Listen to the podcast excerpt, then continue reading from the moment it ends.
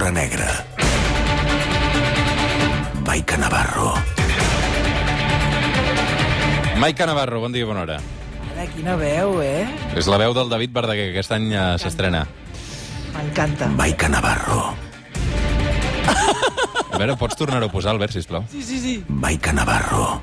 Clar, és com si t'estigués despullant ja amb, amb, amb, amb, amb aquest to, eh?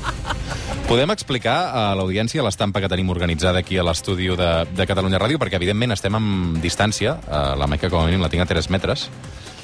Però, clar, un dia més, eh, i per estrenar Espai, ha vingut acompanyada del Simón, que l'audiència ja deu saber que és el... Mira, mira com, mira com mira. Sí, però és que se m'ha posat a damunt del guió una mica més i, i se'm fa pipí aquí, aquí sobre, Maica. No el provoquis perquè... Mira, mira, mira, mira. Quina, mira, quina raça és, aquest gos? És un caniche, caniche. Apa, aquí està. Vinga, aquí. Ara. Veig que avui costarà. Què tal l'estiu, Maica? Ha anat bé això o no? T'he vist treballar molt, eh? Ostres, sí, sí, sí, sí. Jo vaig agafar uns dies al juliol i l'agost ha sigut de moltíssima intensitat, molta intensitat, sí. He treballat, he treballat. Sí, i a més a més, és aquesta final de, de mes, amb aquesta crisi de govern que implicava la conselleria de la que em faig més, estic més emetent a, a l'avantguàrdia, que és interior, doncs ha tocat una mica explicar el fi de l'època de l'etapa, el final de l'etapa del Miquel Buch i l'inici de Miquel Samper. Però bueno, entretingut. Això és l'Hora Negra de la Maica Navarro, avui repassant un cas de maroteca de l'any 2008. Maica, avui ens situem a Menorca, on hi apareix una maleta. Sí, estem parlant de finals de novembre del 2010. 2010, 2010, perdona. Sí, sí, endavant. Sí, sí, i és una, és una parella de germans de, de pagesos eh, que estaven amb un bos a una finca que es diu Vina de Lí, que és just al sud de la illa, i estaven esbrossant, esbrossaven el, el camp quan van trobar una, una maleta vermella eh, entre uns arbustos. Ja tenia pinta d'estar de, de portar molt, molt de temps, humit, bruta, el fan, la humitat, però vaja, es van decidir, amb la curiositat, es van decidir obrir-la i, ostres, hi van descobrir que a l'interior hi havia un esquelet humà. Un esquelet humà. Sí, i a més a més, bueno, evidentment, de seguida van trucar al, al 112 de la illa i es va fer càrrec de la, de la trobada doncs, del cos nacional de, de policia. Um, es va fer l'autòpsia a, a Palma de Mallorca i es va determinar que el cos corresponia a un, a un, a un nen, o sigui, a un preadolescent, estava en un estat de, bueno, de deteriorament bastant considerable i bueno, el primer que va fer els investigadors era, evidentment, començar a mirar si en el temps hi havia alguna, alguna denúncia per desaparició que no estigués resolta. I bueno, van descobrir que, en fi, que en principi no hi havia cap menor desaparegut a, a la illa. Mm. Però dins d'aquesta maleta, eh, a banda d'aquest esquelet, també hi van trobar un rellotge submergible, Sí. uns còmics manga i un estoig escolar. I crec que precisament aquest estoig eh, escolar va ser determinant per identificar qui podia ser aquesta víctima. Sí, era, era un estoig d'aquests que, que portàvem abans a, al col·le. Jo l'havia portat, és, perquè és la, els oients s'imaginin, és la meitat d'un d'un foli de dinar 4, d'aquests que tenien una cremallera que li donava tota la volta, i a l'obrir, eh, les dues... A l'obrir-ho tenies uns gome, unes gometes que, que permetien tenir fixes els, els llapisos. Hi havia un trosset també per la regla, l'esquadron, i també per la goma de la goma d'esborrar. doncs bé, el que ningú s'havia fixat, però sí ho van fer els investigadors, doncs allò, inspeccionant bé aquest, aquesta, aquest estoig, és que a sota de la goma d'esborrar el propietari havia escrit a mà una, les seves inicials que amb el pas de, del temps gairebé estaven esborrades, però es, es llegia perfectament César J.F. I a partir d'aquí doncs, van anar estirant el fil, el fil, el fil, la policia, no? Sí. Uh, I es van adonar que uh, aquestes inicials no coincidien amb cap nen a Menorca, no? Però sí a Galícia. Sí, um, tenien la búsqueda, la recerca eh, estava acotada doncs allò per, per l'edat aproximada que havia donat la, el cos a, amb els forenses i aquesta titularitat de l'estoig que era César JF per aquesta marge de, per aquesta franja d'edat no hi havia cap, cap menor, cap, cap bueno, cap possibilitat a la illa i es va ampliar la recerca a tota la resta de l'Estat.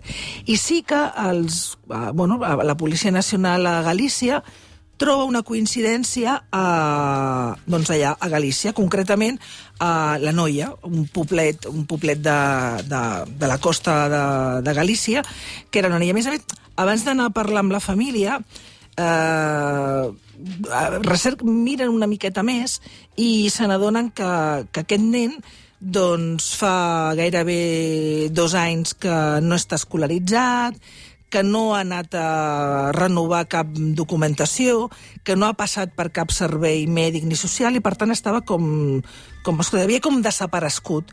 I Però ningú l'havia dades- ningú l'havia reclamat al llarg no, no, no, no, no, tampoc l'havia reclamat. I aleshores el que fan és... Bueno, aquest nen era el César i en aquell, en, el, en aquell moment de la desaparició devia tenir un 11 anys i de fet, bueno, es van anar a buscar doncs, a la, a, van anar a, a picar la porta de, de les famílies de, del nen.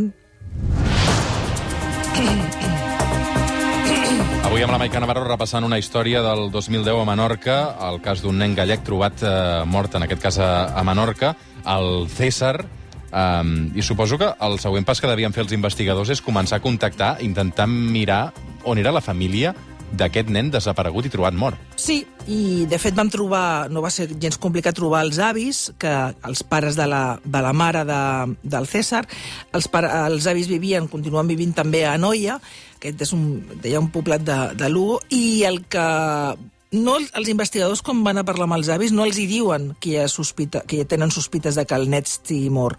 Senzillament van a, a demanar per ell.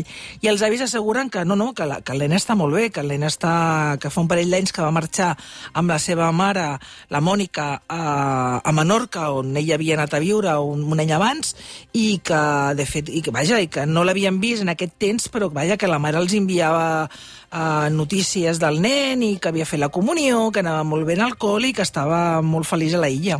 Mm -hmm. Per tant, eh, Es fa una, una primera relació entre uh, Galícia, aquesta sospita d'aquestes inicials d'aquest nen que la policia identifica a Galícia, amb Menorca, perquè els avis asseguren que sí, sí, que el nen havia viatjat a, a Menorca. investiguem també una mica què passava amb aquesta mare, no? Perquè aquesta mare havia marxat a Menorca a construir-se una nova vida i, de fet, ho havia fet sense cap mena de lligam amb el seu fill, no?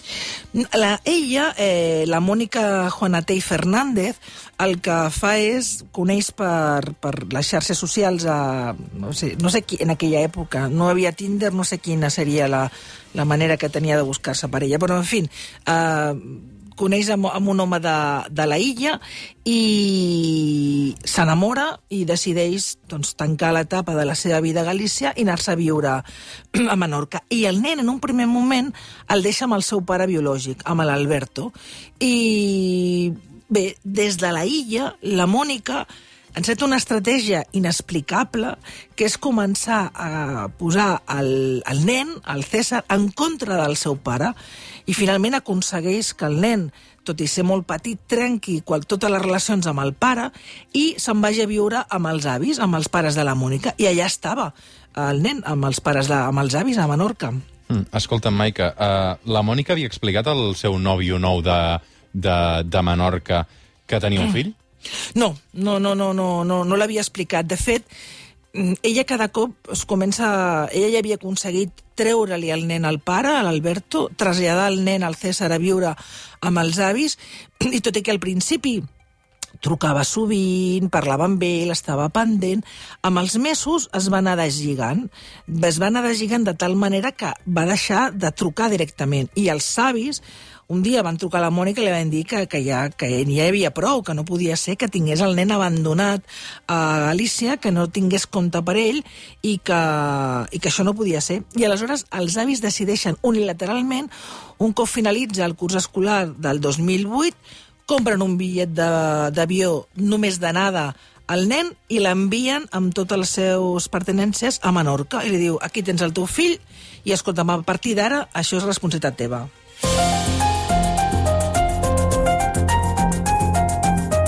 Des d'aquell moment en què el César se'n va cap a Menorca, mai més torna a Galícia.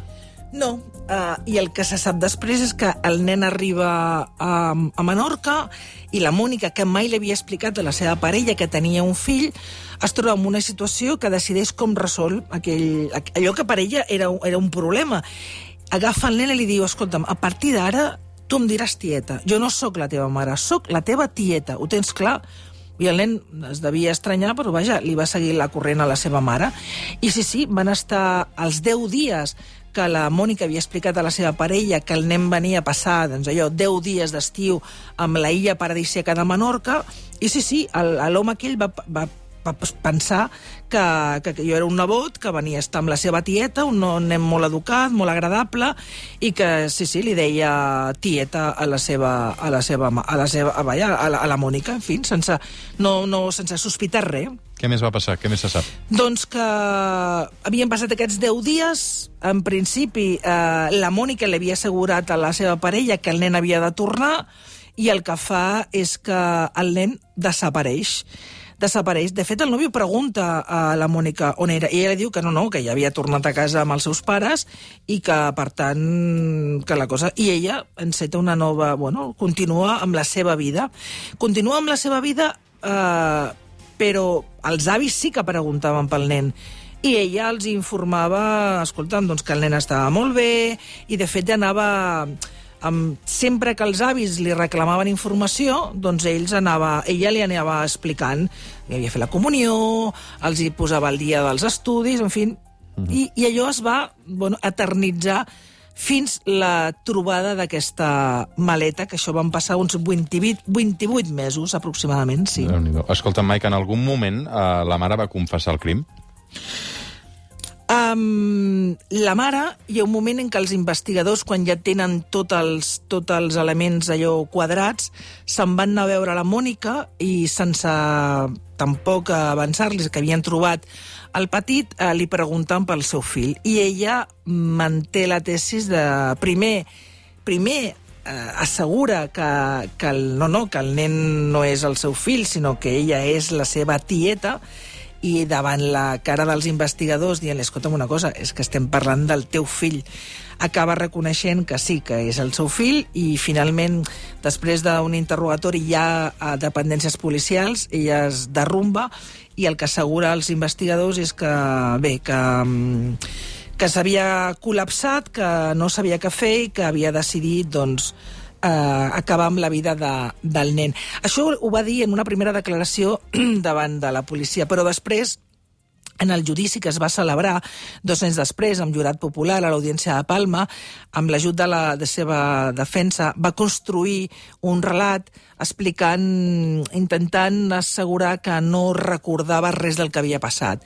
Tot i que l'acusació i la fiscalia van poder demostrar que ella aquell dia va, fer, va assassinar el nen amb, amb el seu fill amb tota amb tota la, amb, amb tota la levosia i premeditació, perquè va esperar que no hi hagués ningú al pis que compartia, va omplir la, la banyera d'aigua calenta, va convidar el nen a, a fer un, el bany, i ell, evidentment, i això ho explica la sentència, estava absolutament doncs, confiat a la mare i, per tant, sense cap mena de capacitat de defensa, ella li va agafar el cap i el va submergir fins que el va assassinar. Després, ella va explicar al judici que no se'n recordava res de tot això, que només recordava estar banyant el seu fill i seguidament tenir-ho molt, molt als braços, que recordava haver plorat moltíssim durant hores i hores amb el cos del seu fill en braços i que després va decidir desfer-se um, ficant-lo en aquesta maleta vermella de viatge i que perquè el viatge fos més... mm, no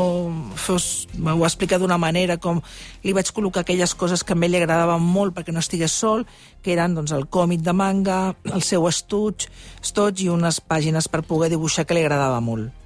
Condemnada a 20 anys de presó, déu nhi i amb un pas per la presó també crec que es va casar. Eh, Sí. I no només havia amagat el, el, el seu nòvio que tingués fills, sinó que a més a més tenia una altra parella, vull dir, una història rocambolesca. Sí, perquè en aquell moment eh, es va saber que ella també tenia una altra parella, que era un home de Tarragona, amb el que va mantenir la relació que la manté a dia d'avui. De fet, dos anys després de la condemna es van casar. Ella va intentar fer un trasllat a la presó de Tarragona, encara continua a Palma, i el que sabem d'ella és que el seu comportament és exemplar i que s'ha aficionat a la literatura. De fet, ha guanyat diferents premis amb relats literaris a la presó i, de fet, hi ha un amb un títol inquietant que és El hermano gemelo, que era El diablo. Els forenses van determinar que no sentia cap que no tenia sentiments per ningú, que era deshonesta, mentidera, irresponsable, manipuladora, superficial i amb tendència a fer mal a la gent que tenia més a prop, com va demostrar amb el petit César. Maica Navarro, un plaer tenir-te al suplement un any més. Una abraçada ben forta, cuida't molt. Adéu-siau, gràcies. Fem una petita pausa, arribem a les notícies de les 11, ens actualitzem amb la Neus Bonet i arriba un nou capítol del Comunista. Joel Díaz ja està a punt. Consultes dels oients sota l'atenta mirada d'un nou convidat misteriós. Fins ara.